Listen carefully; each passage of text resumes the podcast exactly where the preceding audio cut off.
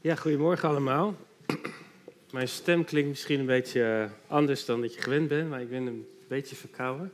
Dus ik heb gisteren in allerijl nog een uh, coronatest gedaan en gelukkig was die negatief. Dat is dan positief nieuws, hè? Um, goed, vandaag uh, opnieuw een Back to the Roots spreek. Um, ik weet niet of jij het Nederlands Dagblad leest, maar afgelopen vrijdag stond daar een stukje in over christelijk complotdenken. En dat dat uh, best wel aan het radicaliseren is. En dat voorgangers zich uh, daar zorgen om maken. En eerlijk gezegd maak ik me daar ook wel een beetje zorgen om. Ik weet niet uh, of jij dit zelf tegenkomt in je familie of vriendenkring. Ik weet ook niet precies waar je zelf zit in je eigen denken. Maar vaak worden het niet van die hele vruchtbare gesprekken. En uh, spanningen die kunnen dan best wel snel oplopen. En op de een of andere manier zijn we op een punt gekomen dat het al heel snel een ingaaf standpunt uh, wordt. En dat het lastig is om vanuit verbinding over dit soort thema's te praten. En het kan erg pijnlijk zijn, ook in uh, familierelaties. Nou, in deze Back to the Roots spreek ga ik eigenlijk een aantal antwoorden proberen te vinden vanuit de Bijbel. En het is, uh, het is daarbij absoluut niet mijn bedoeling om iemand weg te zetten of een groep weg te zetten. Het is mijn bedoeling om uh, samen te zoeken naar wat er in de Bijbel staat. En ehm, ik uh, ga ervan uit dat we een gezamenlijk vertrekpunt hebben, dat we uh, allemaal Jezus volgen, dat we Hem willen gehoorzamen en dat we Zijn woord serieus nemen. Dus als dat uh, een gezamenlijk vertrekpunt is, dan kunnen we daar denk ik met elkaar genuanceerd over nadenken en, en kijken waar we dan uitkomen. Dus ik wil een aantal vragen langsgaan die ehm, nou ja, met dit thema te maken hebben. En dan vervolgens de Bijbel open doen en kijken wat de Bijbel zegt. Um, en ik, ik, denk dat het ook belangrijk is om met elkaar in verbinding te zijn. En um, in, in verbinding met Jezus. Als ik en mijn hand uitstrek naar Jezus en jij doet dat ook, dan is Jezus onze verbinding. Of we verschillend denken of niet. En in de maatschappij zien we natuurlijk ook die enorme polarisatie. En uh, de christelijke wereld ontgaat dat eigenlijk ook niet. En er zijn uh, nou, best wel bijbelse profetieën die uh, op dit moment in een bepaald, uh, vanuit een bepaalde eindtijdsvisie worden ehm, geduid. En die zijn in toenemende mate populair aan het worden. Complexe ethische afwegingen, bijvoorbeeld of je wel of niet zou laten vaccineren, die worden dan heel zwart-wit uh, tegenover elkaar gezet. En stigmatiseren en generaliseren van groepen is uh, aan de orde van de dag. En dat heeft natuurlijk ergens ook te maken omdat we met elkaar ook de aanhoudende gevolgen van de pandemie uh, moeten dragen. En het is maar al te makkelijk om dan een bepaalde groep ook de schuld te geven. En het is pijnlijk om te zien hoe Gods kinderen ook ontzettend tegenover elkaar komen te staan. Dat gaat me echt aan het hart. Het is ook een, op een bepaalde manier een onzekere tijd waarin we leven. En corona ontwricht de stabiliteit. we, nou ja, de, de, nieuwe maatregelen, we, we hadden zo ontzettend gehoopt dat we er vanaf waren, maar het komt toch weer terug. En als, als mens hebben we behoefte aan verklaringen um, van wat er om ons heen gebeurt. Om op een bepaalde manier uh, grip te houden op de werkelijkheid. Maar niet iedere verklaring um, die we aannemen of bedenken, die is ook helpend of gezond, denk ik. En niet ieder Bijbelvers wat we beetpakken, kunnen we zomaar inzetten om het idee of de gedachte wat we zelf hebben, uh, ja, te, te ondersteunen. Nou, vandaag wil ik dus dit soort dingen wat verkennen en op zoek gaan naar gezonde Bijbelse antwoorden, die hoop ik ook theologisch verantwoord zijn. En wellicht helpt dat om je je eigen denkkader te verrijken. Ehm, of, of wellicht een gezond Bijbels antwoord te geven op momenten dat je in zo'n polariserend gesprek gezogen wordt met vrienden of familie of collega's. Dat je dan ook gewoon echt vanuit het hart van de Bijbel ehm, ja, kan antwoorden. Nou goed, allereerst wil ik iets zeggen over het eindtijddenken wat op een bepaalde manier toenemend populair aan het worden is. En duidingen van de eindtijd zijn op zich niet nieuw, die zijn van alle tijden. er werd, door de jaren heen zijn er allerlei dingen aangemerkt als het teken van het beest. dat staat in openbaringen. Denk aan de streepjescode, de, de pinpas, de RFID-chip.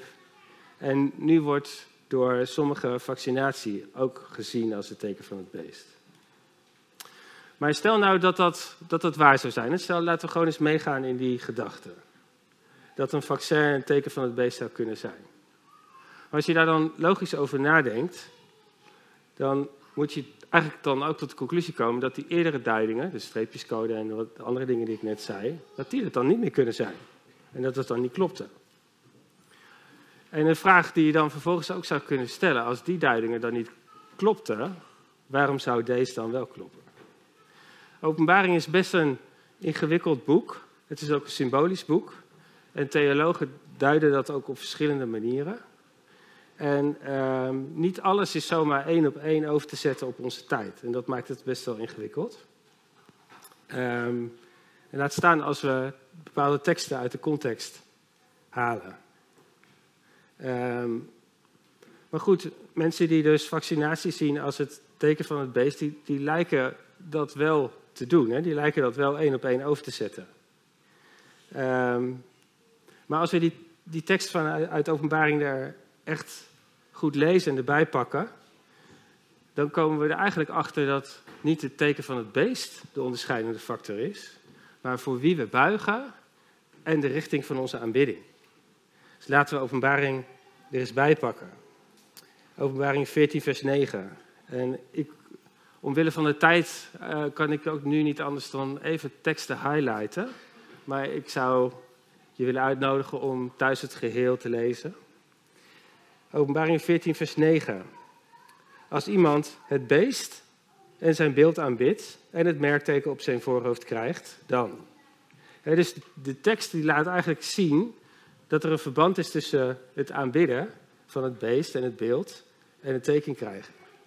Dus christenen die niet buigen voor het beeld van het beest, die krijgen dat merkteken niet. Ehm, dus ze kunnen dat niet zomaar uit de context trekken. Want het centrale thema van het gedeelte waar, waar die tekst in staat over het teken van het beest, die gaat over aanbidding.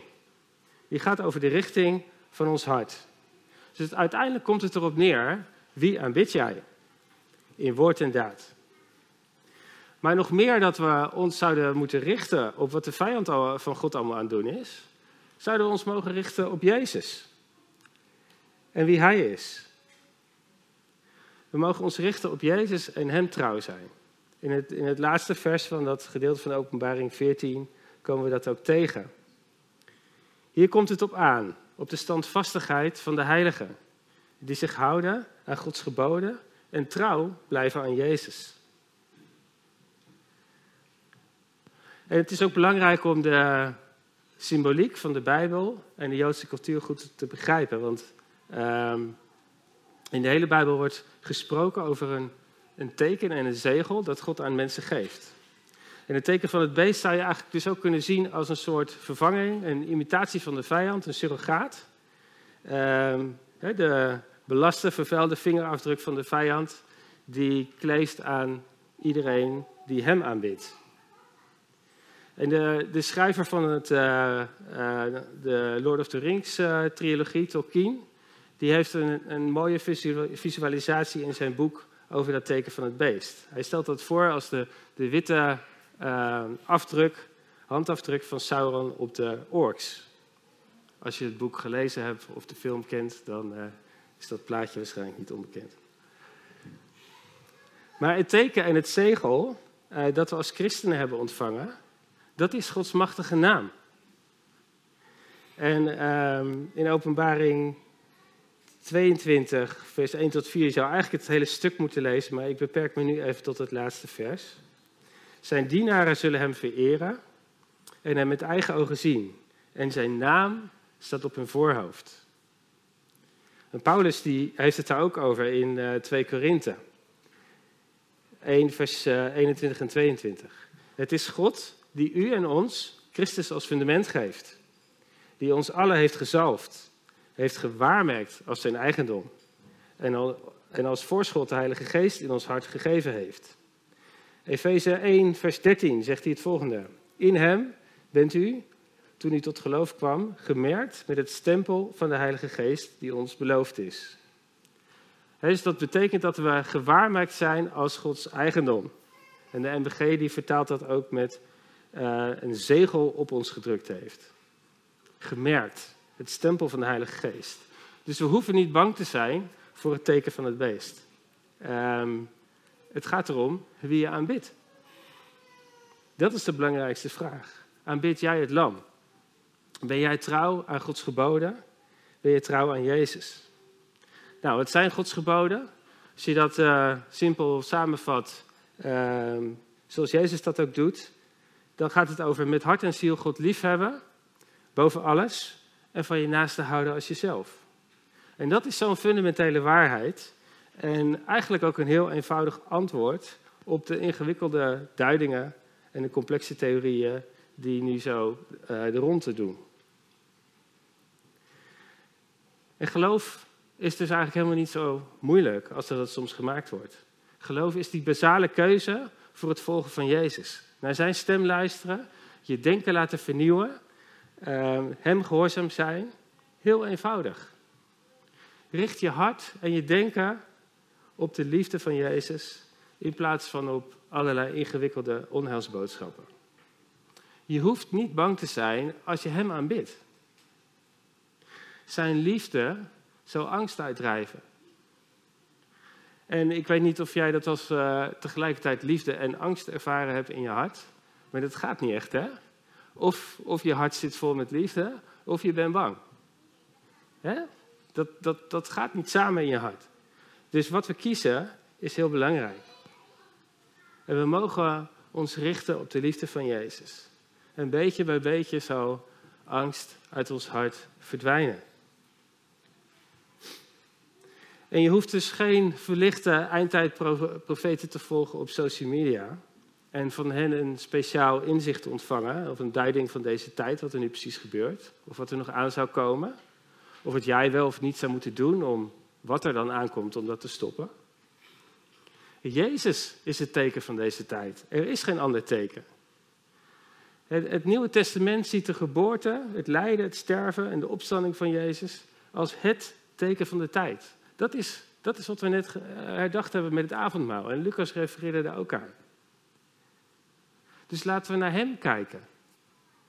Laten we van Hem leren. En het idee dat Gods wil als een soort geheime code valt af te lezen uit de pagina's van onze krant of het nieuws, dat, dat mag misschien heel scherpzinnig lijken. En het levert misschien ook volgens op. Maar als we werkelijk denken dat we vanuit de gebeurtenissen in deze wereld kunnen afleiden wanneer de tweede komst van Jezus uh, zal plaatsvinden bijvoorbeeld, dan is dat een claim dat we meer zouden weten dan Jezus zelf. En zo'n claim zou ik niet aandurven. Jij wel? In Marcus 13 staat het volgende, eh, vers 32, 33. Niemand weet wanneer de dag of dat moment zal aanbreken. De engelen in de hemel niet, de zoon niet, alleen de vader. Pas op, wees waakzaam, want jullie weten niet wanneer de tijd zal komen. Nou, dat lijkt me helder, toch? Of, of moet ik het nog uitleggen? We weten het niet, alleen de vader weet het.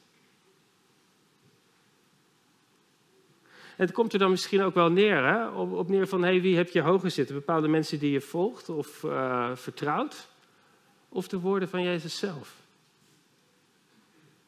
En mijn advies, uh, dat is gratis vandaag, lees zelf je Bijbel. En luister eenvoudig naar zijn woorden. Dat maakt het veel simpeler. Jezus zelf waarschuwt voor al deze dingen.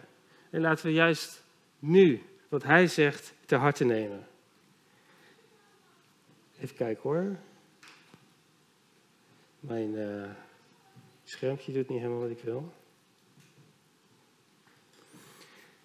Ik wil met jullie een tekst lezen. Jezus zei: Let op, laat je niet misleiden. Want er zullen velen komen die mijn naam gebruiken en zeggen: Ik ben het. Of de tijd is gekomen.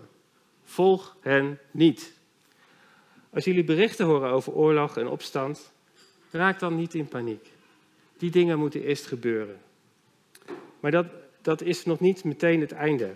Hij vervolgde: Het ene volk zal tegen het andere opstaan en ten, strijde trekken. En het ene koninkrijk tegen het andere. Er zullen aardbevingen zijn, hongersnoden en epidemieën, alom. En er zullen aan de hemel grote verschrikkelijke tekenen zijn. Nou, we hebben in de vorige eeuw uh, twee wereldoorlogen gehad. Um, nog nooit heeft er zo'n grote wereldwijde escalatie van geweld plaatsgevonden in de wereldgeschiedenis. Dat had ook een invulling kunnen zijn van de eindtijd en het teken van het beest en noem maar op. En soms lijkt het wel alsof we uh, aan de patronen van de donkere wolken van deze tijd de kleur van de zon proberen te achterhalen. we kijken van onder. En wat we in de Bijbel lezen, in de woorden van Jezus, is het perspectief van boven, vanuit het licht bezien. Dus laten we zijn woorden en zijn wijsheid tot ons nemen. En ons, ons niet ja, allerlei dingen op de mouw laten spelden en allerlei uh, ingewikkelde gedachten volgen.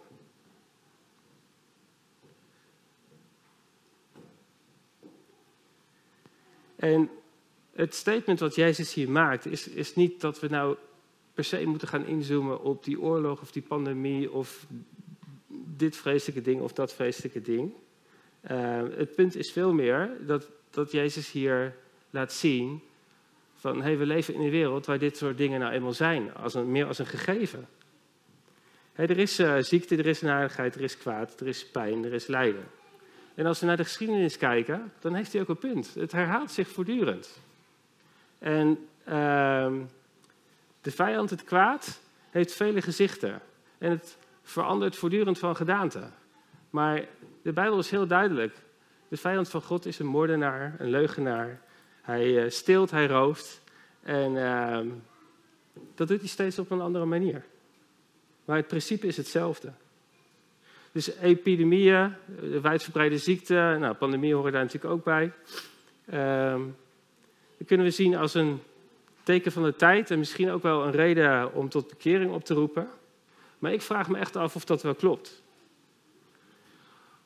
Hoewel het altijd goed is om de mensheid en, uh, op te roepen tot bekering, geloof ik niet dat de pandemie zeg maar, een extra relevante reden vormt. En het lijkt misschien een scherpzinnig geestelijk inzicht, maar toch is het denk ik heel subtiel misleidend. Want als ik deze gedachte aanneem, um, dan zegt hij eigenlijk ook iets over het karakter van God de Vader. En welke vader zou ziekte gebruiken om zijn kind iets te leren of hem tot een bepaalde keuze te forceren? Is, is dat niet sadistisch? Zou jij zo gezag uitoefenen uh, over je kinderen, over je, in je ouderschap? Nee, natuurlijk niet. Nou, in, in zijn boek uh, God en de pandemie van uh, Tom Wright, voor sommigen misschien ook wel beter bekend als Anti-Wright, uh, schrijft hij dat heel treffend. Jezus zelf is de reden waarom we ons zouden moeten bekeren. Als we uit een aardbeving, een tsunami, een pandemie of wat dan ook willen afleiden, wat God hiermee wil zeggen, zonder dat te doen via het evangelieverhaal van Jezus, dan maken we de basale theologische fout om een conclusie over God te trekken buiten Jezus om. Dat is een hele mond vol. Maar het boekje zou ik je echt eh, aanraden om, uh, om te lezen. Hij heeft dat een jaar geleden geschreven en het is juist nu super actueel. Het is knap uh, als je daar zo ja, een jaar geleden eigenlijk al zulke wijze dingen over kan schrijven. En Gods koninkrijk, de regering van de hemel, die met de komst van Jezus en zijn boodschap en zijn bediening is doorgebroken in onze wereld, dat blijft de enige reden om op te roepen tot bekering. En opnieuw heel eenvoudig. We hoeven niet alles te weten. We hoeven niet alles te kunnen duiden. Maar we mogen gewoon simpelweg luisteren naar de woorden van Jezus. Bekeer je, want het koninkrijk van God is nabij. Volg mij, luister naar mij. En dat geldt in alle tijden, onder alle omstandigheden, op iedere plek en elk moment in de tijd. En ehm, het is zelfs zo dat God door middel van zijn koninkrijk een einde zal maken van, aan alle ziekten, aan alle gezondheidsproblemen en ook aan de pandemie. Dat is het karakter van de God die wij dienen. Nou, weer anderen zien ehm, nou de pandemie als een straf van God. Maar ook daar geloof ik niet zo in. In ieder geval niet in specifieke zin. ons brein is misschien op zoek naar een, uh, het maken tussen een, een koppeling uh, tussen oorzaak en gevolg. Maar misschien is op dit moment deze koppeling maken wel, niet zo intelligent. En ik denk dat ziekte veel meer een systeemfout is in de schepping als gevolg van de zondeval. Gods perfecte wereld is instabiel geworden nadat we gezondigd hebben en er ruimte voor de vijand is gekomen. En we zien Jezus uh, in ieder geval van ziekte opstaan. Uh, als hij dat tegenkomt. Hij spreekt genezing uit. Hij spreekt vergeving uit. En er komt herstel en ziekte verdwijnt als sneeuw voor de zon. Dus hoe kunnen we dan het idee dat ziekte als straf of de wil van God volhouden? Als we zien dat Jezus, God die mens geworden is, um, zo afrekent met ziekte. We zien dat door het hele Nieuwe Testament heen. Nou, ik ben opgegroeid met een dergelijke theologie en een dergelijk uh, denkkader. Maar als ik de Bijbel lees, dan lukt het mij niet meer om dat vol te houden. Gods koninkrijk wil doorbreken met redding, bevrijding en genezing. En wij uh, als christenen mogen daar een rol in hebben. Wij mogen uh, ziekte een hand toeroepen door te bidden voor genezing. En uh, juist nu, wanneer een pandemie om ons heen raast, is dat misschien wel een heel goed idee om te doen. In plaats van verstrikt te raken in allerlei ingewikkelde gedachten, laten we gewoon eenvoudig doen wat Jezus ons opdraagt. Bid voor de zieken.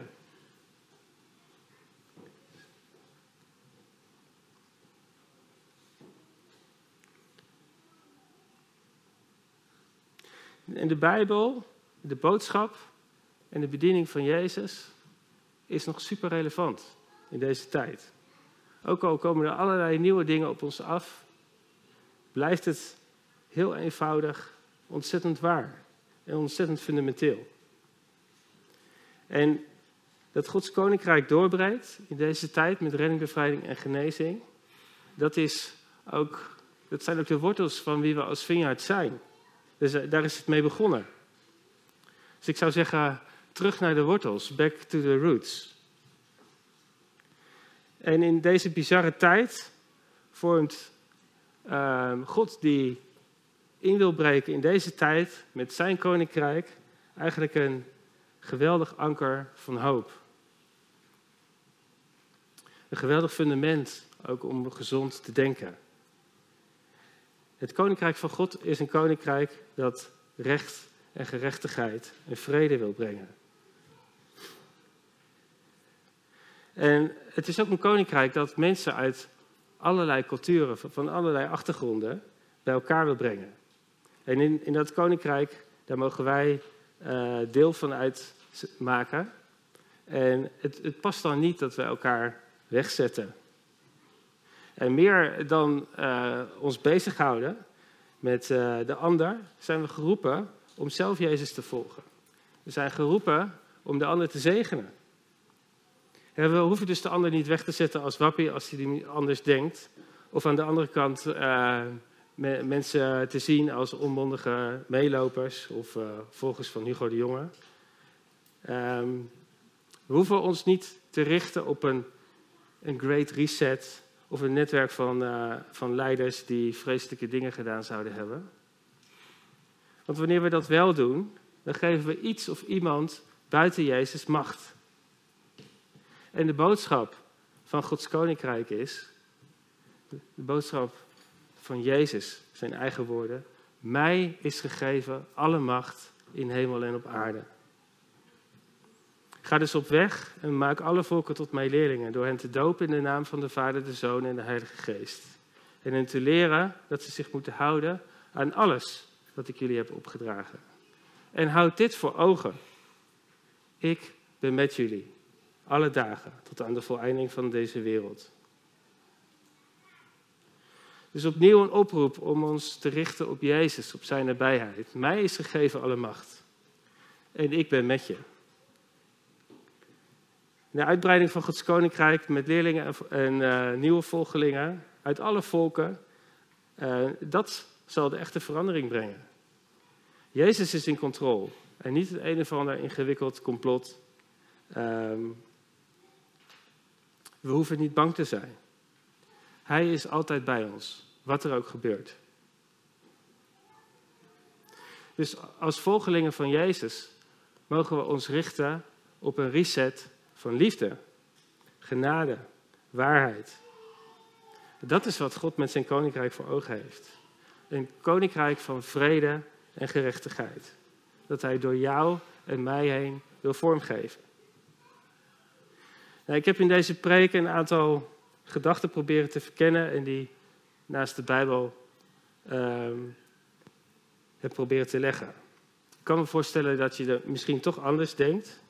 Um, maar deze spreken is nogmaals niet een, uh, een poging om verwijding eh, te creëren.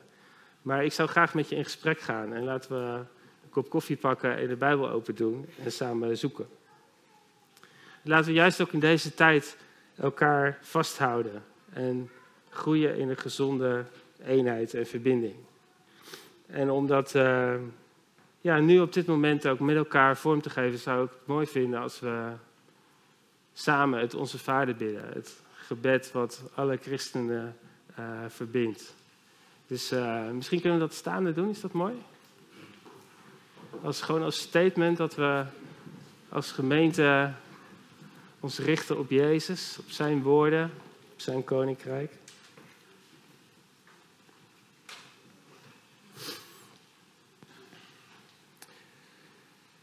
Goed, laten we bidden. Onze Vader in de hemel, laat uw naam geheiligd worden. Laat uw koninkrijk komen. Laat uw wil gedaan worden, op de aarde zoals in de hemel. Geef ons vandaag het brood dat we nodig hebben. Vergeef ons onze schulden, zoals ook wij vergeven wie ons iets schuldig is. En breng ons niet in beproeving, maar red ons van het kwaad. Want aan u behoort het koningschap, de macht en de majesteit in eeuwigheid. Amen. Ja, vader, dank u wel voor wie u bent.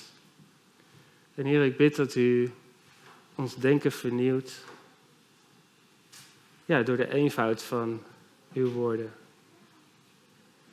En Heer, ik bid dat, uh, ja, hoe, hoe deze tijd misschien ook uh, ons beangstigt, dat uw liefde en uw waarheid zullen overwinnen. En Heer, kom, uh, kom met uw genade. En help ons om, uh, om in deze tijd te staan op de rots die u zelf bent. En help ons om in gesprek met anderen, met onze familie, met onze buren, collega's, noem maar op, om uw waarheid te spreken. In liefde, in genade. En vader, ik bid dat we als gemeente ook in staat zijn om elkaar vast te houden. Heer, kom met uw genade. Kom met uw koninkrijk. En verbind ons opnieuw aan Jezus en aan elkaar op nieuwe manieren. In Jezus' naam. Amen.